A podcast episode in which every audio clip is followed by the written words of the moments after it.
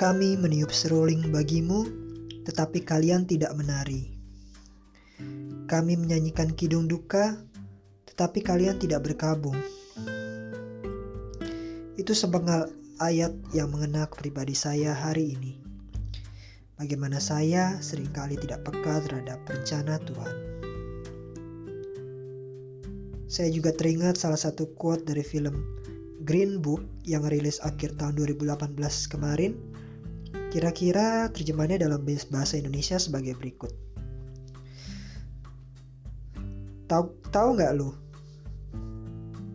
Apa pun yang lu lakukan, lakukan itu 100%. Ketika kamu bekerja, bekerjalah.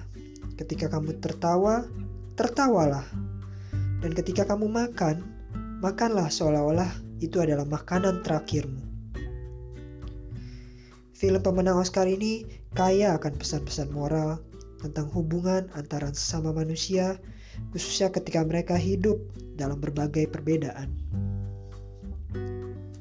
Lalu ayat yang mengena selanjutnya adalah Sebab Yohanes Pembaptis datang, ia tidak makan dan tidak minum.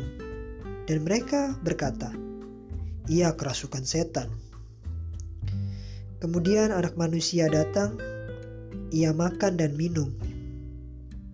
Dan mereka berkata, Lihatlah, seorang pelahap dan peminum, sahabat pemungut cukai, dan orang-orang berdosa. Entah berapa kali saya pun pernah menjudge orang hanya karena satu atau dua hal yang saya pikir layak untuk mencapnya sebagai orang yang tidak benar. Tapi lewat Injil Tuhan hari ini, saya diingatkan bahwa semua orang punya kedudukan yang sama di mata Tuhan, bahkan para pendosa sekalipun. Saya juga teringat salah satu perkataan Paus Fransiskus. Siapakah saya sehingga saya harus menghakimi seseorang? Marilah berdoa. Tuhan Yesus, sering kali kami terjebak dalam situasi menghakimi seseorang hanya karena melihat satu atau dua perbuatan yang tidak benar. Namun engkau ajarkan kami untuk bersikap rendah hati dan terbuka untuk segala hal.